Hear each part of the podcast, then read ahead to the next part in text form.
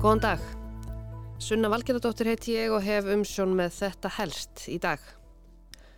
Bandaríski hip-hop og R&B tónlistarmadurinn Robert Kelly, R. Kelly, var dæmdur í sumar í 30 ára fangelsi fyrir að stýra kinnferðiskleiparring, misnota konur og börn kinnferðislega, stunda mannsal, fjárkúun og mútur. Það má færa rauk fyrir því að þessi 30 ára dómur sé nánast ljóðrætt að því leitinu til að Kelly virðist hafa fengið að stunda nýðingskap sinn svo til óáreittur í einmitt 30 ár, allan sinn farsæla tónlistarferill. Hann nýttist á ungum svörtum konum sem áttu fyrir undir höggað sækja og þrátt fyrir fjölmargar og ítrekkaðar frásagnir þeirra, gekk hann laus. Samfélagið ímist hilmdi yfirmiðunum eða kóaði eins og fleiri dæmi eru um í sögunni, þar til að það var einfallega ekki hægt lengur og tónlistarmæðurinn hafði enn fleiri ákærur á bakinum sem átti eftir að greiða úr.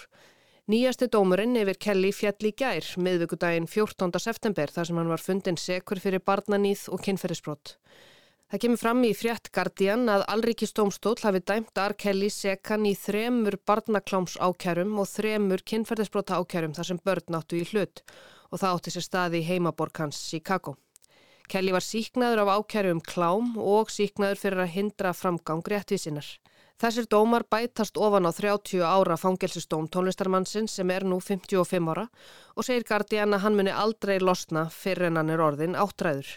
En þetta er ekki búið því að það eru að minnstakosti tvö mál til viðbótar sem býða R. Kelly og þau snúa líka kynferðisbrótum, annars vegar í Minnesota og hins vegar í Chicago. Ég fjallaði um R. Kelly í sumar í byrjun júli þegar stóri fangelsistómurinn var ný fallin og fekk alla Fannar Bjarkarsson til mín til þess að ræða feril og fall tónlistarmannsins sem var eitt sinn eitt svo stærsti í heimi.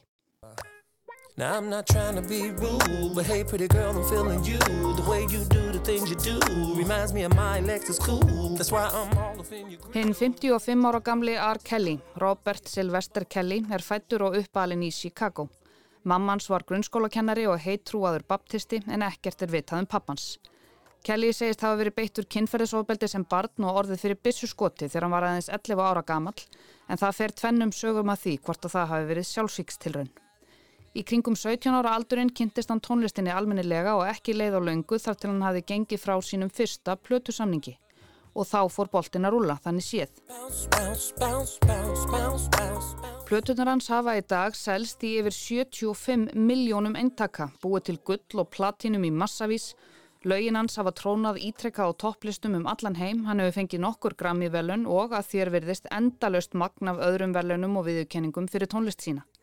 Kelly skauðst hratt upp á stjórnuhiminin Vestanhafs snemma á tíunda áratugnum upp á 90 og var ekki lengi að koma sér í pressuna fyrir að þér virtist óeðlilegan áhuga sinn á ungum stúlkum. En meira um það á eftir. Kelly var fyrst handtekinn 2003 sakaður um að hafa barnaklám undir höndum. En það var eftir byrtingu barnaníðs myndbands, ólöglegs hjónabands við 15 ára stúlku og fleira í þeim dúr. Kelly hefur gengist undir nokkrar dómsættir við hinnar og þessar konur sem hann misnotaði kynferðislega og beitti ofbeldi. Hann hefur ítrekkað verið sakaður um kynferðisofbeldi gegn ungum stúlkum í gegnum allan sinn feril en það verðist ekki að hafa komið að sög fyrir hann þannig séð. Hann fekk alltaf að halda áfram. Kelly hefur fengið á sig fjöldan allan af kynferðisbróta á barnaníðs ákjærum meðal annars í Chicago, New York, Illinois og Minnesota. Hann neytar alltaf sög en hann var líka alltaf síknaður. Þar til nú. Kelly var sakveldur fyrir nýju mánuðum en dómarinn hvað upp dómsinn 30 ára fangelsi núna bara í lok júni. Hann hafi verið fundin sekur um barnaníð, mannrán, kynferðisbrot, mannsal, fjársvik og mútur. Fóreldrar Þólenda Kelly sak hann um heilaþvott og segja hann hafi verið leiðtói einhvers konar sértrúarsafnaðar. Framkom í fréttum rúf um Kelly að í það minnst að sex ungum konum hafi verið haldið fengnum í húsnæði hans. Fjölmiðlar Vestanhafs fullirtu að konurnar hafi ráðið litlu um hvað þær borðiðu, hvena þær sváfu eða hvernig þær klættu sig. Þær þurftu að byggja um leifi til að fá að yfirgefa húsið eða jafnvel fara út úr herbygginu sínu. Kelly er sakaður um að hafa nauðgað þeim ítrekkað og misnotað þær og stundum tekið nýðingskapin upp á myndband. Sumar konurnar sem Kelly hjælt fengnum skáru á tengslinu fjölskyldur sínar sem gefur sértrúarsapnaðar sögunum byr undir báða vangi. Haftir eftir móður einnar konunnar að síðast þegar hún heitti dóttu sína í desember 2016 hafi stúlkan lítið út fyrir að vera heila þegin, hún hafi verið eins og fangi. Eftir áratugji af frásögnum, orðrómum, kvísli og kærum sem engur skiluðu virðist að hafa verið heimildamindin Surviving R. Kelly sem náði loks eirum og augum yfirvalda. Meira en 20 kærir voru lagðar fram gegn söngvaranum eftirmyndina sem varpaði skýru ljósi á hvernig honum tókst að tæla til sín táningstúlkur og brjóta á þeim á ólýsanlegan hátt. Surviving R. Kelly var til þess að lauruglu yfir völd fóru að rannsaka ásakanir gegn tónlistarmanninum sem hefðu verið á sveimi undanfartan tvo áratvíi. R. Kelly kom svo fyrir dómara í februars þar sem honum voru byrtar tíu ákjærur fyrir kynferðisbrott og svo aftur í mæ þar sem 11 ákjærur til viðbúttar voru þingfestar.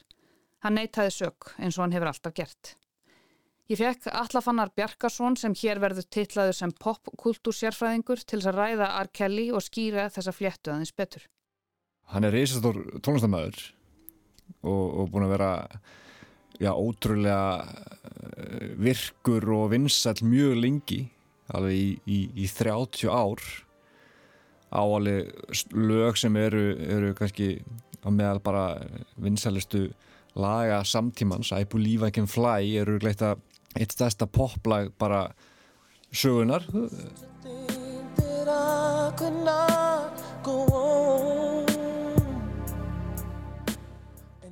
og, og er bara búin að vera ótrúlega vinsett alveg ótrúlega lengi. Og, og, og alveg einmitt átt mikið, mikið að lögum, mikið að plötum og stóran aðdónduhóp sem að, sem að verðist þrátturir ímsar frettir á honum ekki alltaf að hverfa frá honum. This year's recipient of the 2006 Stevie Wonder Songwriters Award is R. Kelly. And the R&B Hip Hop Artist of the Year is...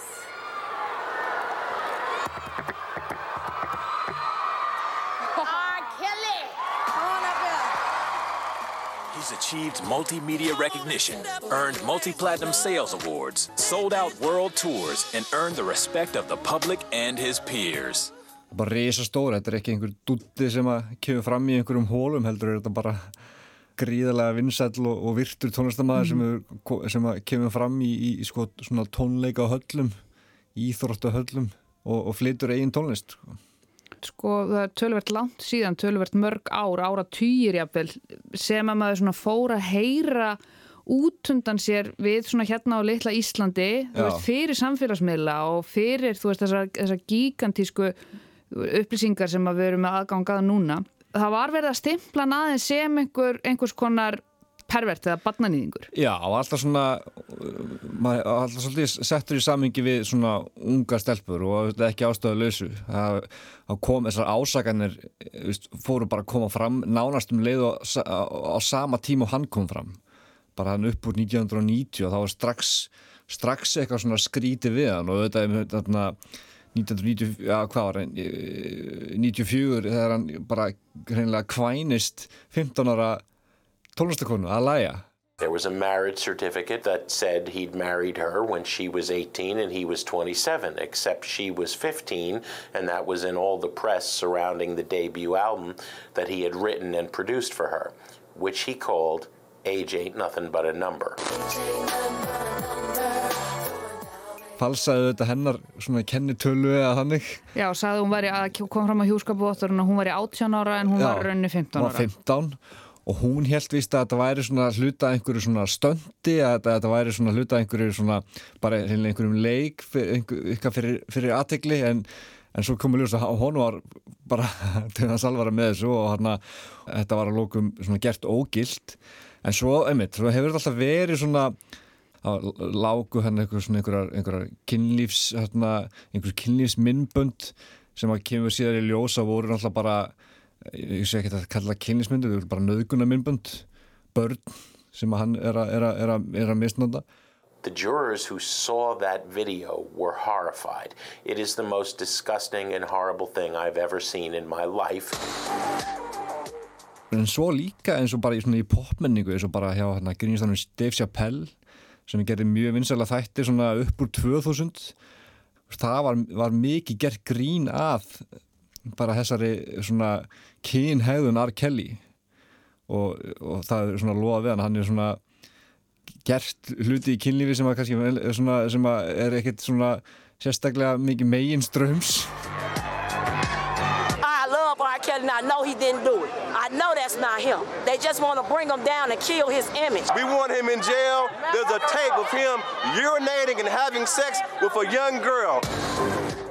Það er svolítið eins og einhvern veginn allir hafi vitað einhvern veginn en e- e- enginn gert neitt og það er líka einhvern veginn það sem að svona kemur í ljós þegar maður sér þessar heimildamindi sem var í gerðar eins og heimildathættir eins og Surviving R. Kelly sem voru síndur að rúfa allt fólki í kringum hann var svona eh, hafa gett vitorsfólk þau, þau vissalega hvað var í gangi og, og, og mörg voru kannski hilma yfir með honum sko.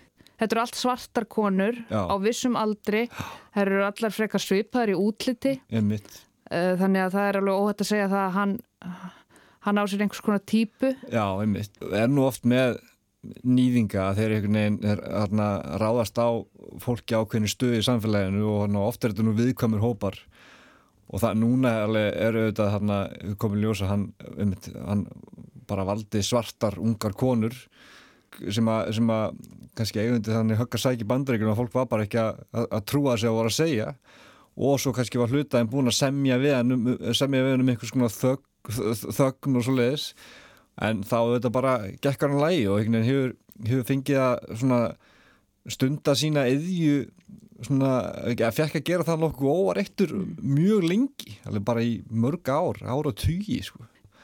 og það var einlega ekkert landsið að komu svona, komu fréttur um að, að hann heldi konum í einhvers konar svona, svona kynlífs ánauð sem var bara fjöldi kvenna veginn sem bara komist ekkert í burtu og voru búin að svona byrjuði kannski á því að, að vilja vera í sko félagskap með honum.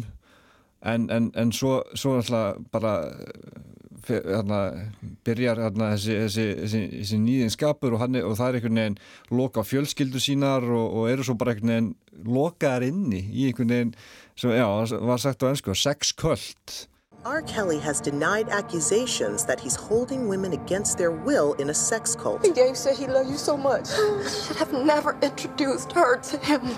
I should have never introduced my family to him.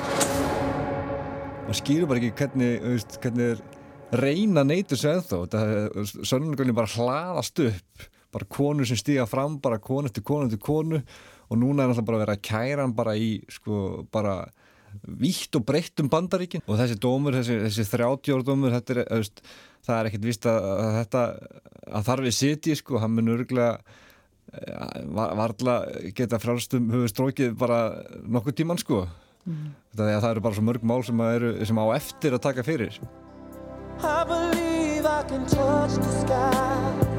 I think about it every night and day. Spread my wings and fly. En hann er samt sem aður þó að nú, nú sé búið að dæma hann í, í þetta 30 ára fangirsi eins og þú nefndir á hann, þetta er 30 ára ferill. Hvena var hann síðast bara að, að túra?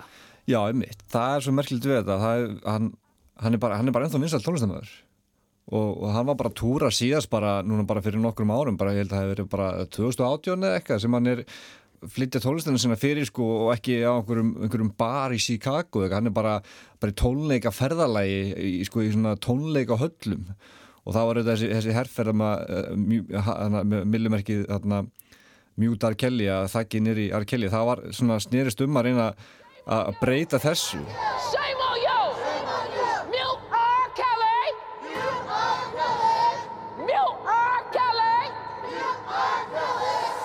það er líka bara ekki fyrir 2019 sem að útgáða fyr, fyrirtækið þarna, segir upp samningi við hann og gerir það svona nánast í kyrþi þá náttúrulega voruð þið búin að svona kóa með honum mjög lengi og kannski þarna, aðeins of lengi og, og, og svo, en, en, en segja að lókum upp við hann samningi.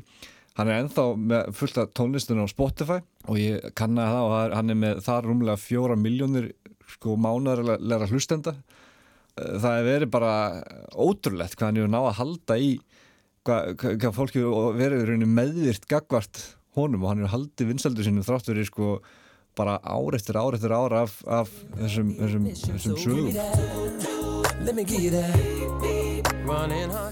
Eins og allir fannar bendir réttilega á er enn hægt að finna tónlist R. Kelly á Spotify og Apple Music þó að streymisveiturnar passi sig á því að lögin hans detti ekki sjálfkrafa inn í spilunarlista sem forritin taka saman. Eina veitan sem hefur reytskoðað efni frá R. Kelly almennilega er YouTube en forsvarsmenn fyrirtækisins tilkynntu í síðustu viku að tveimur reikningum sem hann heldur úti hafi verið lokað. Nú fáum við bara fréttaskýringar um hann, ekki tónlistinans. Rolling Stone greindi frá því nýverið að eftir að Kelly var fundin sekur jógst sala á plötunum hans um meira en 500% og hlustun á streymisveitum jógst sömu leiðisum 20%. Eins og glöggir hlustendur heyra kannski er tónlistin hans einmitt nótuð í þessum þætti. Hvort það sé viðigandi er svo önnur umræða.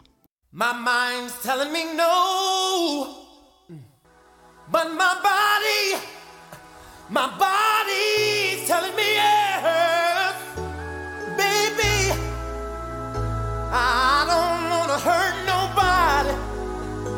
Þetta var pistillin minn síðan í sumar um tónlistarmannin Robert Sylvester Kelly sem situr nú á bakvið lás og slá í Metropolitan fangelsinu í Chicago og hann var í gær fundin sekur í enn fleiri kynferðisbrótumálum. Þau bætast nú ofan á dóminn sem hann hlauti í júni og enn eru fleiri ákjærur á hendur honum sem býða afgreyslu. Ferill og fall R. Kelly var helst í dag. Takk fyrir að leggja við hlustir og við heyrumst aftur á morgun.